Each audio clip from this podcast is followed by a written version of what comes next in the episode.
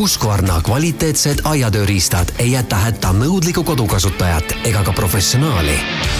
sest meie kolmsada kolmkümmend aastat kogemust ning innovatsiooni on aidanud luua kvaliteedi, millele saad alati kindel olla.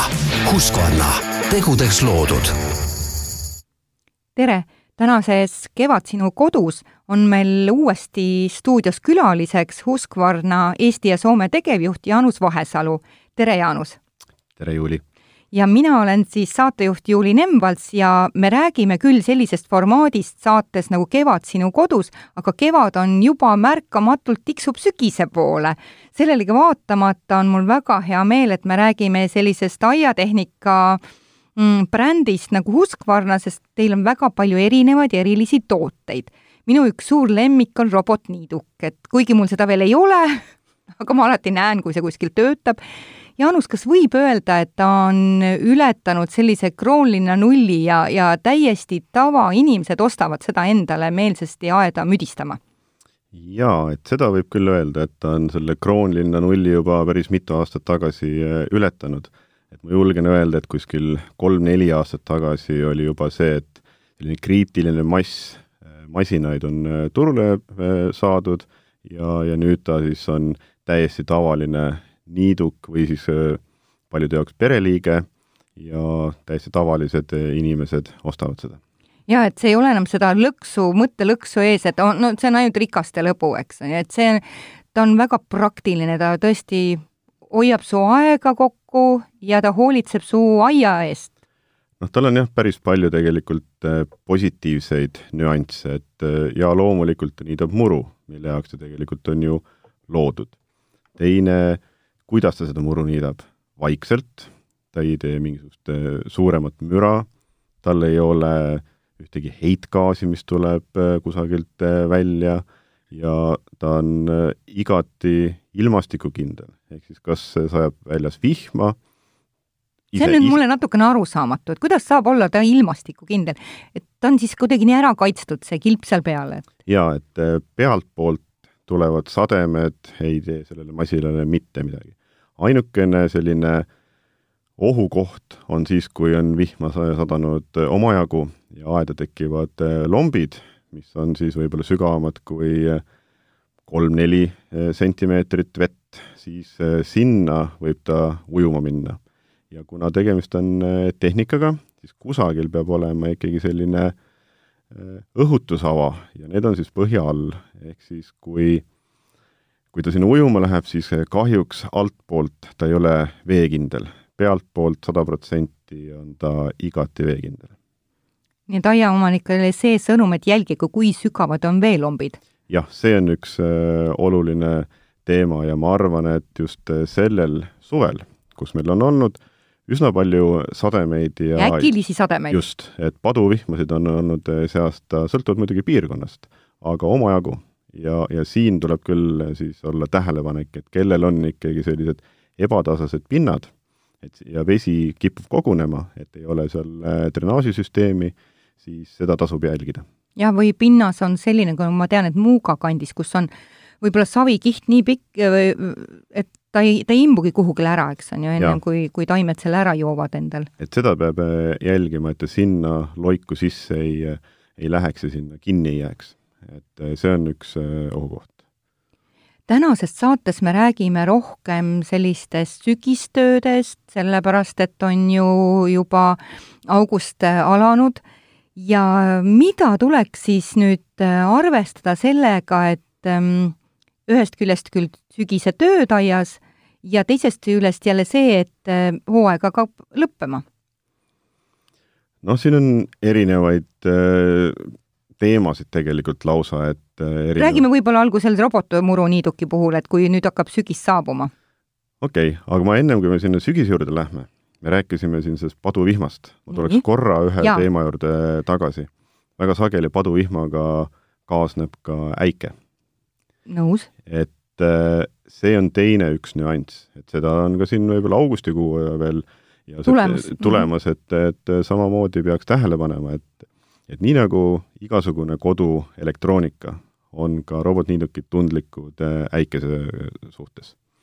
ja kui on ikkagi näha ja kuulda, et kuskil lähe, lähistel äike sähvib, siis tuleks vooluvõrgust masin lahti ühendada. mida see äike nagu teeb?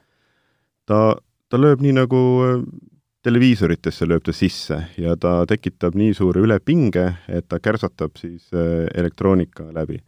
kõige paremal juhul võib-olla läheb ainult laadimisjaama siis vooluadapter halvimal juhul läheb see adapter, laadimisjaama elektroonikaplokk ning võib ka tegelikult äh, ära rikkuda ka robotniiduki.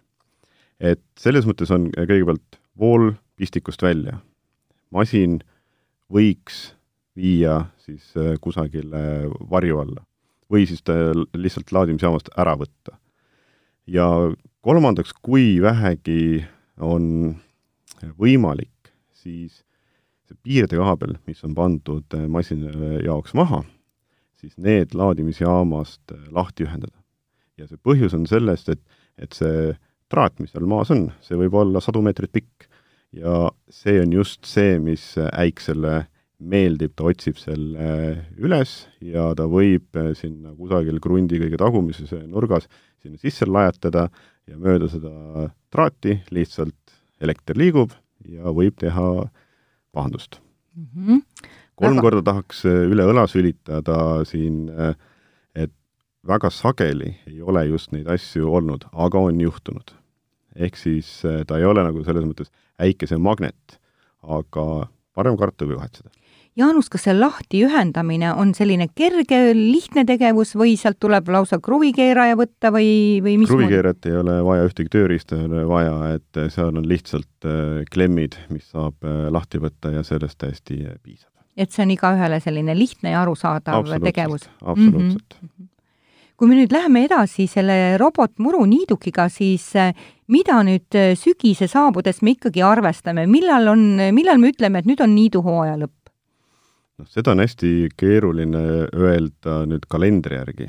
peaks ikkagi õue ka vaatama, et kui on äh, sellised pikad sügised, nagu meil siin viimasel ajal on olnud, siis võib see niiduhooaeg kesta ju päris, päris äh, kaua. eks see sõltub äh, nüanssidest, millal on esimene öökülm, kas muru veel kasvab, aga noh, ütleme selline rusikareegel on võib-olla septembri veel masinad äh, toimetavad, oktoobris no jällegi sõltub äh, siis äh, sellest sügisest, aga kuskil oktoobris on praktika, et masinad hakatakse vaikselt ära korjama. ja, ja millega peab arvestama, on see, et masin tuleb panna talveks sooja kohta. ta ei pea olema nüüd toasoe, aga ta peab olema kindlasti üle nulli, üle pluss viie kraadi võiks see temperatuur olla mis sealt saab kahjustada, kui ta läheb nüüd selle miinustesse?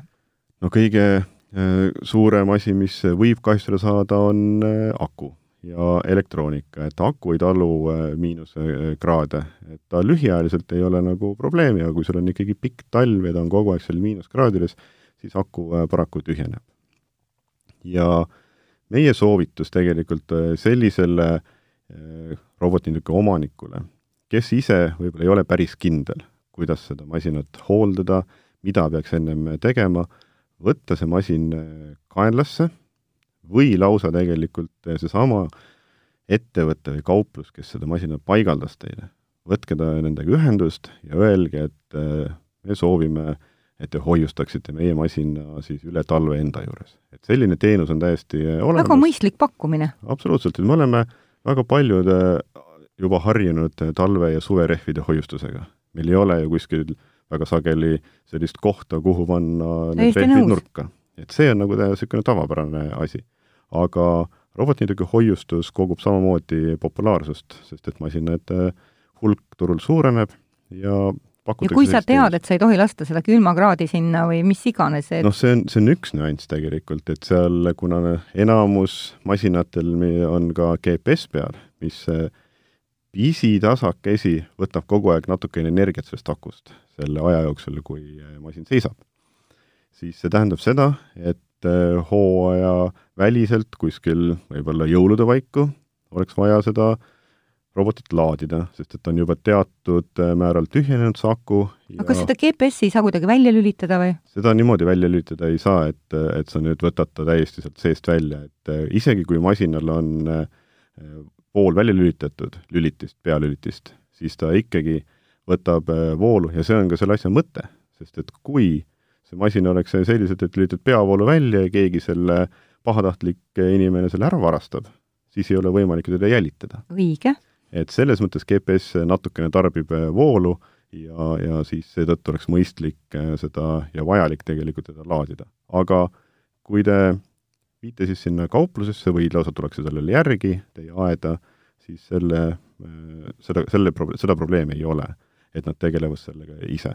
Jaanus no,, kas see teenus on kallis, kui nüüd on äh, vaja seda üle talve ho hoiustada kuskil?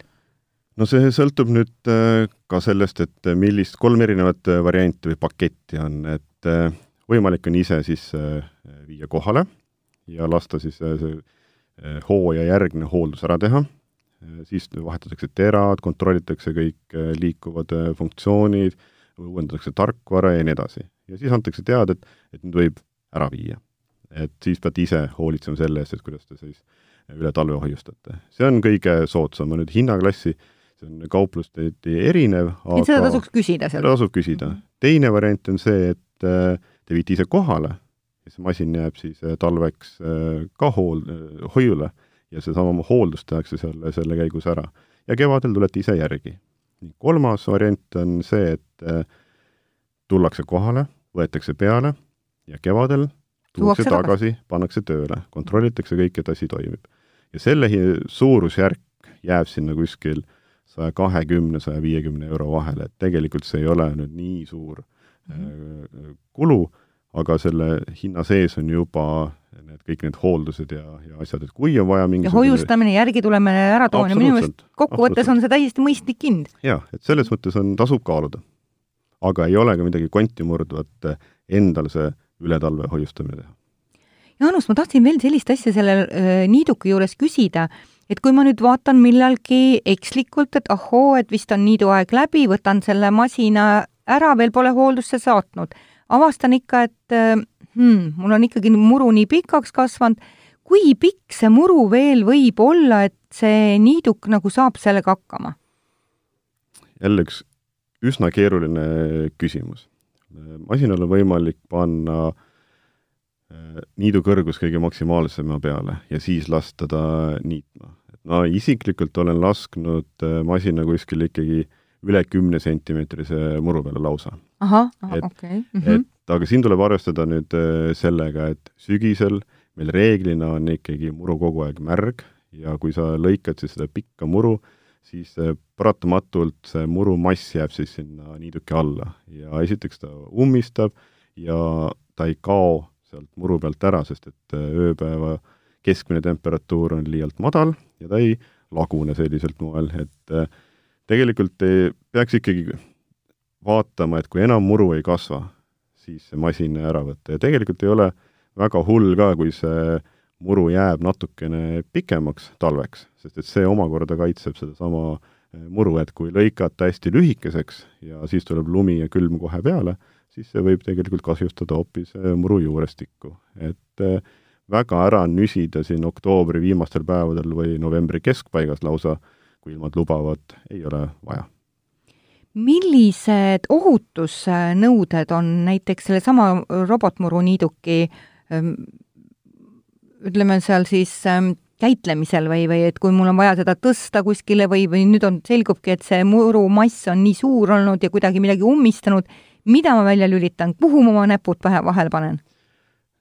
noh, kõige suurem äh, oht, mis on, on see, et äh, kogemata katsute siis neid äh, terasid aga ma ei taha isegi mõelda selle peale. aga nagu me eelmises saates tegelikult äh, rääkisime, siis äh, need terad ei ole seal sellist tüüpi, nagu on tavalisel muruniidukil, et äh, nad on üliväiksed, nende kogupikkus on seal äh, kolm-neli sentimeetrit äh, ja nad on sellise taldriku all peidus ka, et tegelikult ei ole seal suurt ohtu, kui see masin keerata teistpidi. loomulikult tuleb välja lülitada siis äh, pealüliti elektrist äh, see asub niiduki all ja siis võib rahulikult masina keerata teistpidi.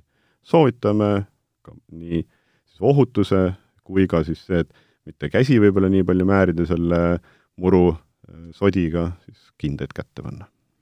kui me nüüd räägime, jätame nüüd selle niiduki äh, kõrvale ja räägime üldse töödest, mida sügisel me aias teeme, siis mm, millist uskvarnatehnikat meil oleks hea kasutada?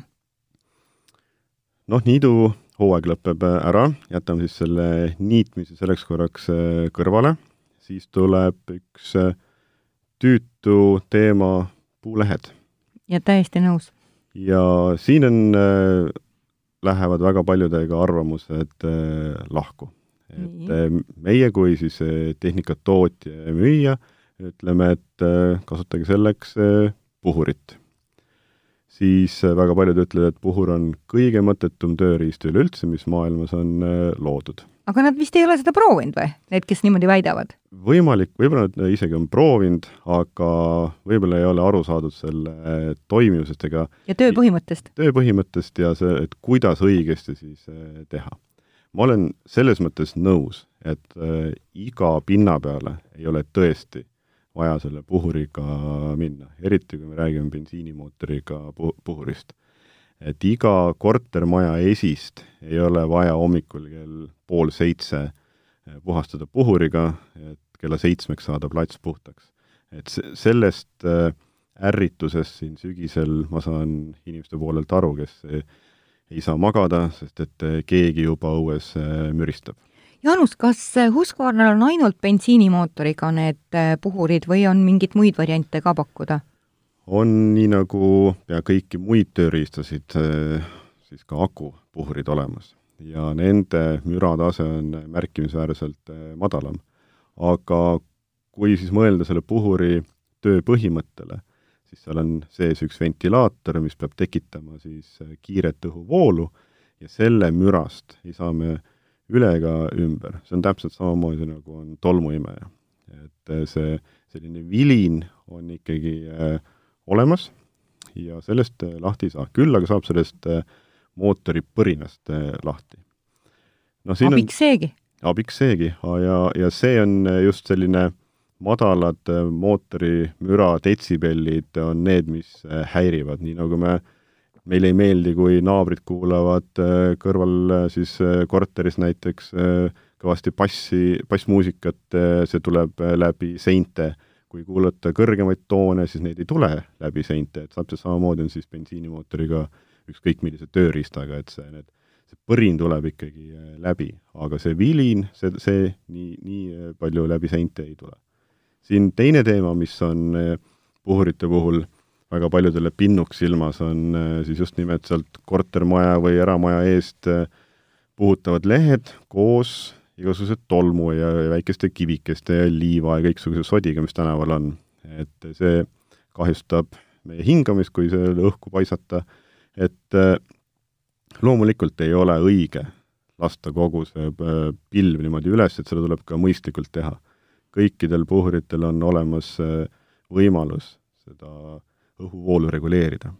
kui on ikkagi vähem lehti ja rohkem sellist muud sodi, siis kasutagem äh, siis madalama pöördega, väiksema kiirusega, et me seda pilve üles ei, ei äh, ajaks, seda tolmupilve.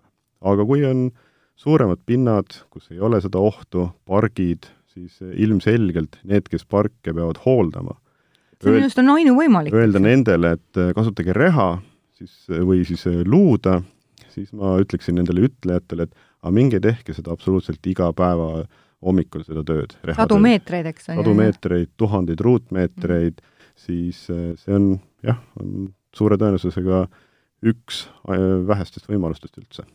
Jaanus, ma olen alati tahtnud, kui me räägime mm, lehepuhuritest, küsida, et kas tal selline funktsioon ka on sel samal puhuril, et ma saan näiteks talvel lund äh, oma tee pealt ära pühkida sellega? kui nüüd äh, kuulaja kerib natukene seda podcasti tagasi, siis äh, ma meelega ei maininud selle tööriistana, et see on lehepuhur, ma ütlesin puhur.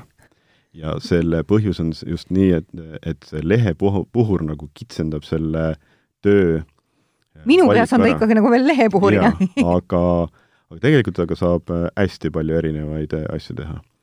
suvel praegu üsna paljud inimesed pesevad näiteks autot, siis puhuriga saab väga eduliselt auto ära kuivatada, sest et need äh, inetud veetäpid, eriti tumedal autol, jäävad väga hästi äh, välja paistma. seega puhur on siin abimeheks. kui ettevaatlikult ja oskuslikult puhurit kasutada, on võimalik saada puhurist abi ka grilli süütamisel. väga sageli ei lähe see grill mitte kuidagimoodi põlema ja siis natukene õhuvoolu juurde anda, mitte jällegi maksimumpöördeid, vaid natukene juurde anda, saab grill ilusti põlema. ja peale sügist tuleb meil tavaliselt talv. ja sellist äh, lund, kergemat lund, mis ei ole märg, vettinud lumi, saab puhuriga väga ideaalselt nii kõnnitee pealt äh, puhuda, kui jällegi auto pealt siis ära ajada, et ei ole vaja harjaga mässata kui me nüüd oleme rääkinud ka puhuritest sügistöödel, mis on veel seadmed, millega me saame oma tööd aias hõlbustada? noh, siin sügise poole, augustikuu ja, ja natukene isegi edasi on äh,, hakkab heki pügamine. et äh, okaspuu hekke soovitatakse augustis hakata pügama, et äh, see on üks asi, kus on hekilõikureid erinevas valikus paljudel tootjatel, täpselt nii nagu ka Husqvarnal on äh, hekipügajad olemas, nii siis äh, lehtpuuheki jaoks kui ka niisuguse äh, väiksemalehelise või ka siis just nimelt okaspuude jaoks, et valik on tegelikult päris kirju. kas on tulnud ka mingeid uudistooteid nende hekilõikurite poole pealt või, või mida nagu tahaksid sa eriti veel rõhutada või, või juhtida tähelepanu mõnele mudelile? noh, siin ei ole otseselt sellist revolutsiooni võib-olla olnud, nagu on äh, muru niitmise valdkonnas, et robotniidukid, et robothekilõikurit veel ei ole, aga meie valikusse lisandus selle aasta kevadest äh, üks hekilõikur, mis on äh, teleskoopvarrega. et see peaks olema eriti hea uudis siis nendele, kellel on äh, kõrged äh, hekid või ka siis laiad hekid. et äh, saab ilma kuskil redelil või äh, puki pealt äh, turnimata siis heki eduliselt ära pügada. et, et see kas hekilõikuriga saab ka näiteks õunapuu oksi lõigata või selle jaoks on jälle mingid teised asjad olemas? Nende jaoks on eraldi, et äh, hekilõikur on ikkagi see, et juurde kasvanud siis kasvude pügamiseks. et siin tuleb olla hästi täpne selle terminoloogiliselt, et kui tahta ülekasvanud kuusehekk kolmandiku võrra madalamaks võtta, siis siin on ainukene õige lahendus saag, et siin ei ole mitte midagi muud. et hekilõikur või hekipügaja on ikkagi selle jaoks, et eh, võtta siis eh, juurde kasvanud need võrsed ära. kui nüüd räägime õunapuu lõikamisest, siis on olemas eraldi kohe niisugused kõrglõikurid, nad on nagu väiksed saed, kettsaag, aga ta on ka siis teleskoop või siis lihtsalt pikema varre otsas ja saad seda maapinnalt teha mis on ohutusnõuded selliste hekilõikurite kasutamiseks? kindlasti on vaja kaitsta oma silmi, sest et ikkagi on äh, midagi, mis äh, lendub, kaitseprillid kindlasti, soovitame alati kasutada töökindaid, et masin äh, püsiks paremini ka käes ja noh, see on hekilõikuse puhul nagu põhiline. kindlasti on ohutuse pool just, eh, kui ma mainisin, et on kõrgemad hekid või laiemad hekid, et siis sageli turnitakse redeli peal või tõstuki peal või siis tehakse lausa sellised kõrgendusega platvormid, et noh, siis peab arvestama sellega, et ei ole maapinna peal, vaid olete kuskil paar meetrit kõrgemal, et sealt alla ei potsataks keegi Jaanus, kas need hekilõikurid on nüüd äh, aku pealt, on nad äh, bensiinimootoriga või nad hoopis on juhtmega? on kõiki kolme varianti. ja see, ma saan aru, et selle juhtmega on kõige suurem trikk see, et sa endal seda juhet vahepeal läbi ei lõikaks. just, ja see on kõige suurem äh, siis viga või siis äh, jah, viga, ütleme nii, mis äh, elektrilise hekilõikuri puhul juhtub. et ei lähe see masin miskit muud moodi katki, kui kõige sagedasem asi on see, et lõigatakse see juhe läbi lihtsalt. ja siis tuleb tulla jälle teie juurde sinna teenindusse, et seda parandama? no hekilõikuritel tegelikult on äh, asjad veel lihtsamaks tehtud, et ei ole vaja tulla äh, teenindusse, sest et äh, elektrilisel hekilõikuritel on elektrijuhe kõigest kümme, kakskümmend sentimeetrit seal taga. sest et sellega ongi arvestatud, et äh, lõigatakse läbi ja siis on vaja seda vahetada. Aga kui see on ainult kümme, kakskümmend sentimeetrit, siis kasutatakse pikendusjuhet või siis jätkujuhet. ja siis on lihtsalt ostad uue pikendusjuhtme, et ei ole vaja masinat väga mõistlik lähenemine. sest et vastasel juhul elektritöödel noh, inimesed on nutikad, teevad ikka igasuguseid asju ise, aga elekter on ohtlik ja seda ei tasu ise parandama hakata, et väga ettenägelik no.. aga elektrihekilõikurid, ma ei saa nüüd öelda, et nad sada protsenti kadunud on. Aga siin on küll äh, see bensiinimootori ja e-, elektri siis mootoriga või siis elektrivõrgus töötavad masinad äh, hääbuv trend ja akutehnika tuleb jõuliselt peale. sest et äh, hekilõikurit me vajame reeglina paar korda aastas, mitte rohkem. ja noh, haljastajad kindlasti rohkem, aga tal ei ole ka sellist koormust vaja anda ja ta on akumasin on ikka oluliselt mugavam sest et kui me mõtleme, et me ja see aku kestab ka siis ikkagi piisavalt? jaa, hekilõikurite puhul kestab ta päris pikalt, sest et ei ole sellist äh, pidevat tööd, et sa teed äh, ühe lõike, siis vaatad, äh, sätid, teed järgmise lõike võib-olla, et sõltub ka hekist, et aga see on kõige selles mõttes kiirem vahetus, kus see läheb ja me ei, peame kindlasti arvestama ka sellega, et bensiinimootoriga masinate puhul, et kus me seda hekilõikurit kõige sagedamini hoiame töötades näo lähedal. sealt me saame heitgaase ikka omajagu sisse hingata ja vibratsioon on äh, päris suur, ikkagi selline raske on see masin võrreldes aku omadega, et et tasub mõelda täiesti Heiki Lõikuri puhul küll akuseadme soetamise peale kui meil on see teema juba tulnud üles, et aiamasinad liiguvad rohkem akude peale, siis kui universaalsed on need Husqvarna akud, et kui mul näiteks on akutrell ostetud, mul on seal võib-olla tagavara aku, kas ma saan seda veel teistele masinatele ka panna? üldiselt on selline reegel kuidagi välja kujunenud, et iga tootja teeb siis eh, oma standardi sellele akule, et kuidas see sinna kinnitub ja, ja on, et see on, aku on tegelikult üsna sageli osa toote disainist, sest et selle on, konkreetse toote? jaa, üld- mm -hmm., noh, kas nüüd ütleme siis eh, selle brändi, selle brändi äh, siis disainist, et kuidas see sinna äh, toote külge sobitub, kui me räägime siin näiteks äh, hekilõikurist või puhurist, siis hästi oluline on, et see masin oleks oma kaalult tasakaalus. et akul on teatud mass, et kus ta asub, siis selle toote keskme suhtes, et seal on omad nüansid, et päris nii ei saa, et nüüd äh, kõik üks aku ja sobib absoluutselt kõikidele. jaa, sest nad on ju erineva kujuga, eks ole, need tööriistad. aga äh, Uskorna poole pealt on küll, saab öelda seda, et kõik akud on ristkasutatavad.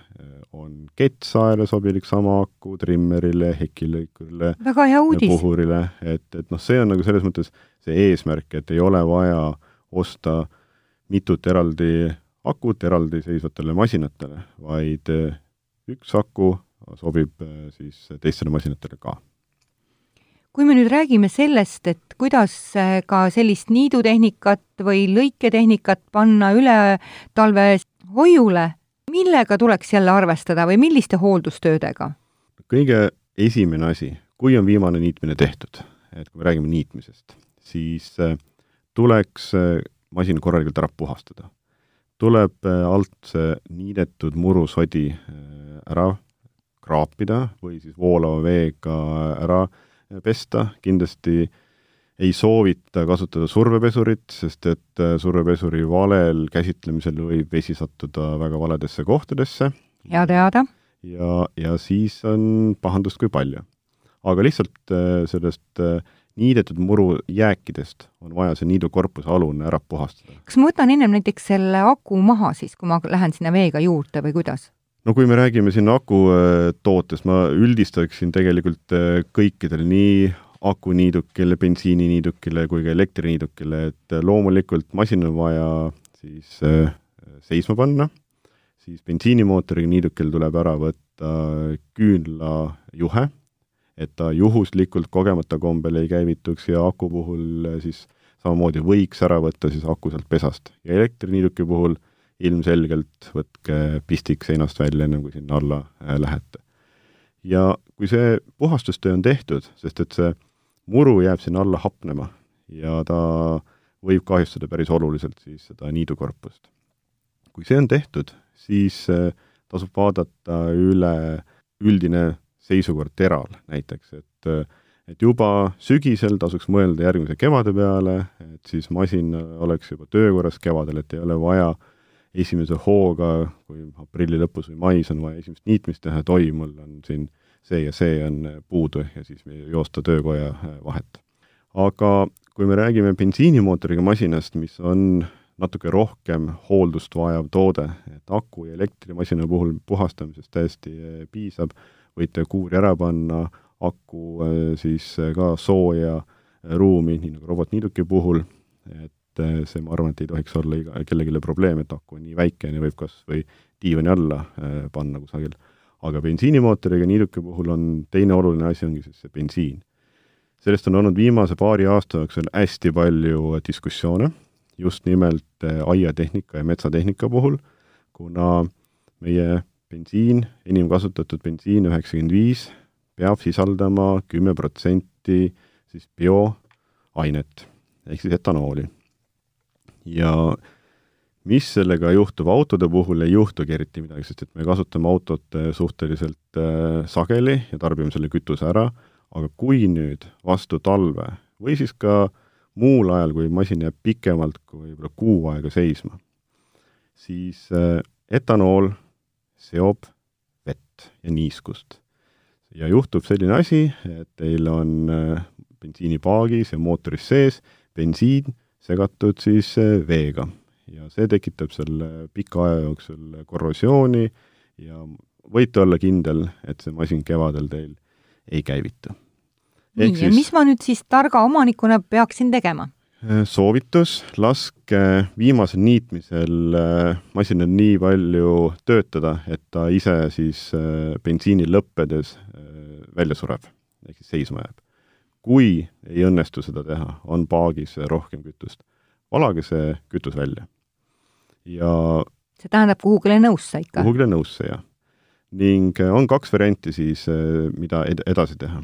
on äh, müügil ka spetsiaalsed alkülaatkütused, mis on üli, ülipuhtad, et selle liitri hind on küll jah, märkimisväärselt kallim, kui on siis tavatanklakütusel, aga see kütus sinna paaki, seda ei pea panema paaki täis. pange natukene sinna sisse, käivitage see mootor uuesti ja sellisena võib see niiduk üle talve seisma jääda. Jaanus, ütle uuesti, mis see oli, mida tuleb siis osta poest, võiks osta?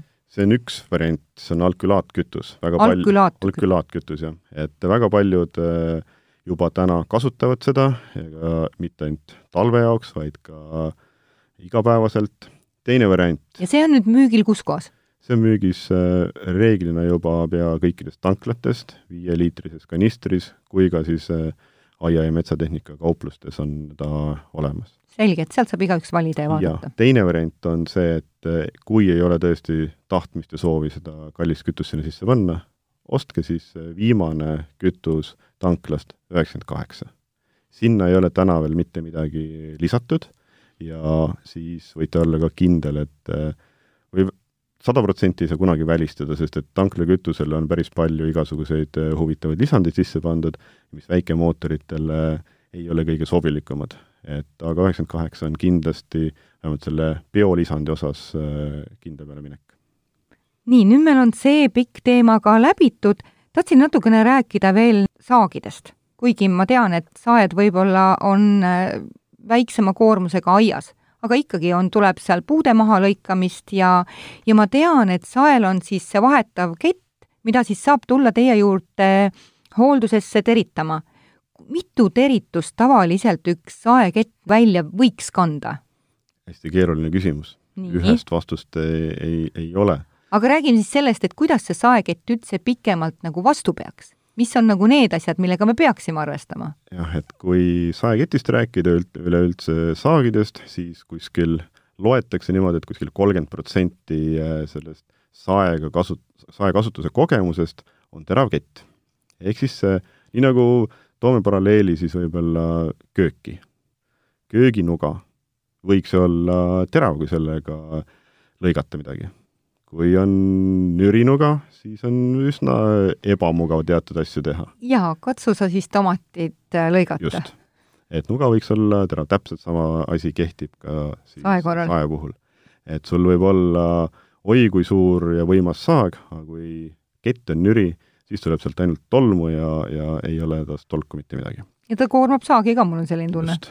et äh, saekett püsib terav kõigepealt on üks oluline nüanss see, et eh, te jälgite, mida te saete.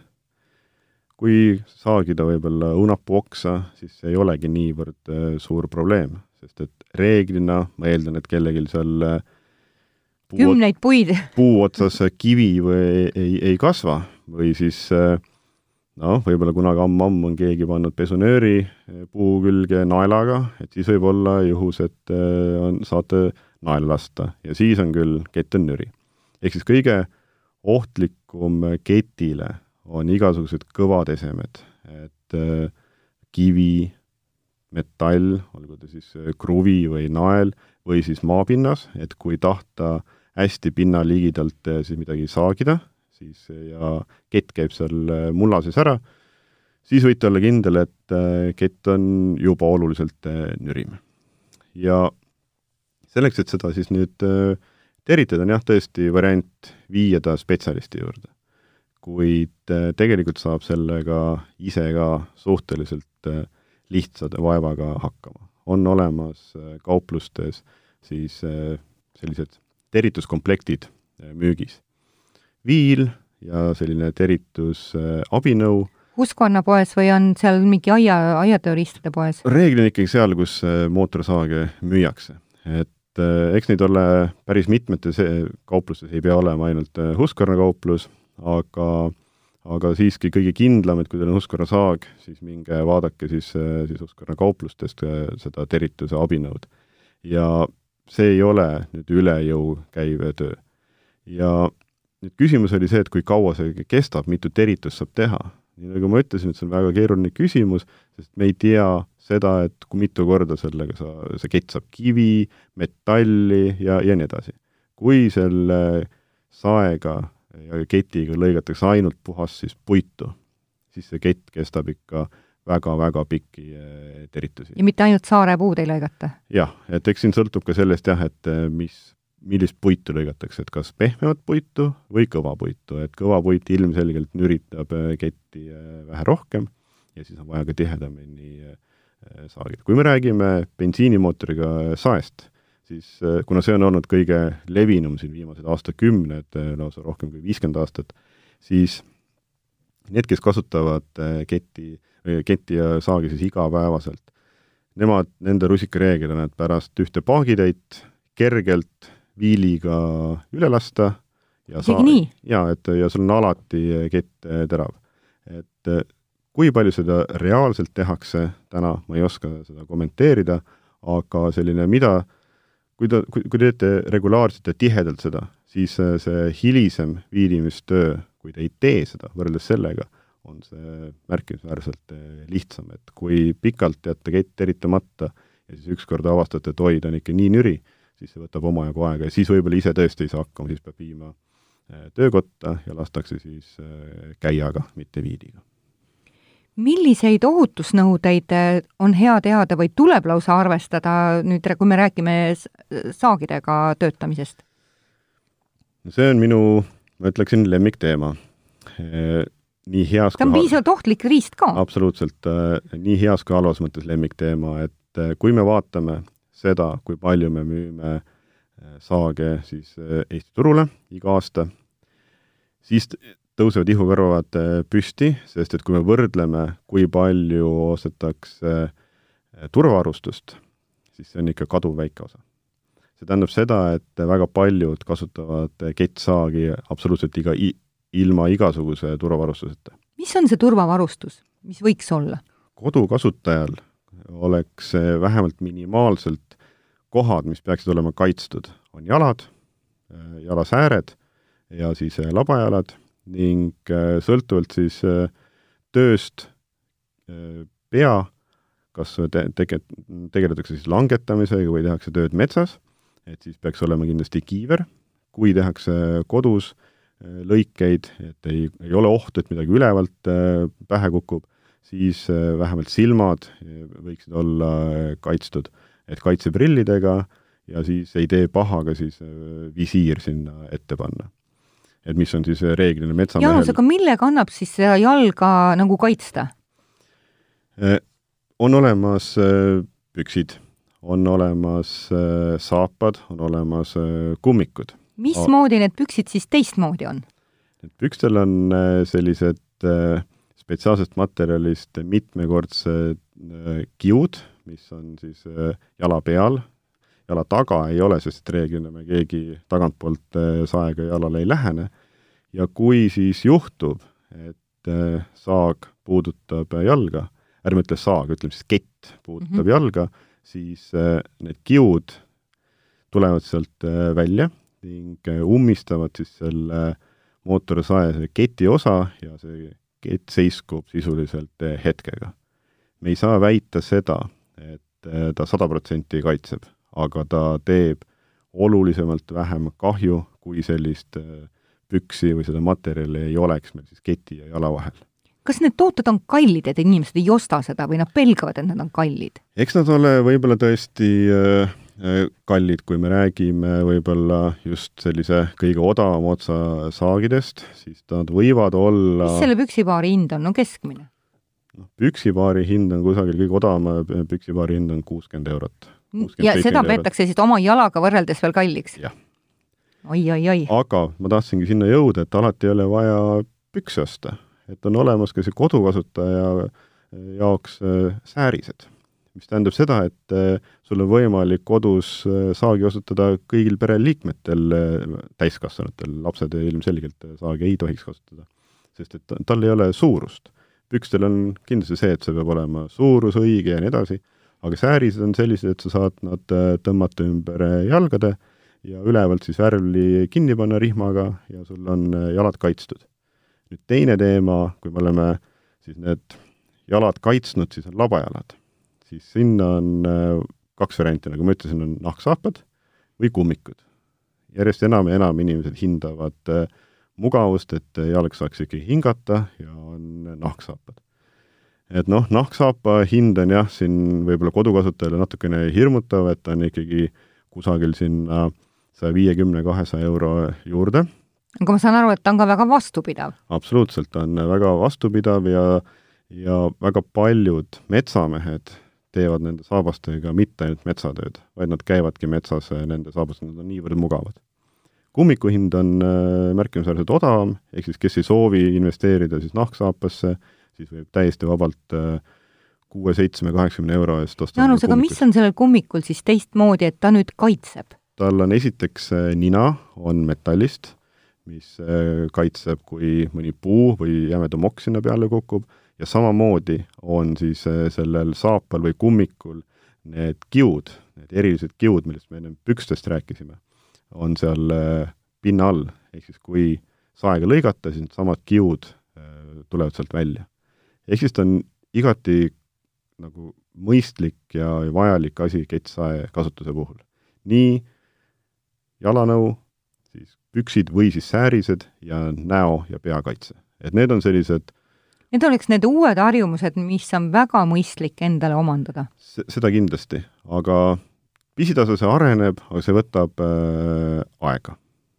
räägiks sellisest teemast, kui ohutud on muruniitmisvahendid siis näiteks äh, väikeloomadele no,? tean, et on siin erinevaid artikleid on ka kirjutatud ja et äh, kui ohtlikud siis on näiteks robotmuruniidukid äh, siilidele?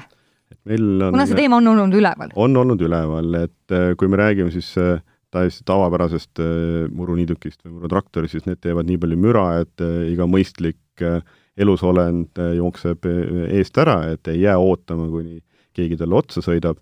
aga robotniidukid on tõesti, nad on vaiksed, nad teevad väga vähe müra ja siis on olnud selliseid arvamusi, et, et nad sõidavad siis koduloomadest üle, et kassidest üle ja siis viimasel ajal on jah, teemaks olnud siilid.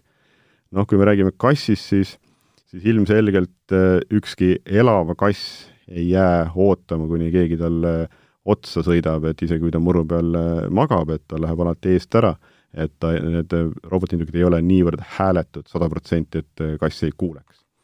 aga siilide teema on olnud siin aktuaalne, on ka naaberriikides siilide teema aktuaalseks saanud ja ma saan rääkida ainult Husqvarna siis robotindukite puhul, et et me oleme teinud juba aastaid erinevaid teste siis, kuidas robotniiduk võib reageerida, kui tema teele jääb ette siil.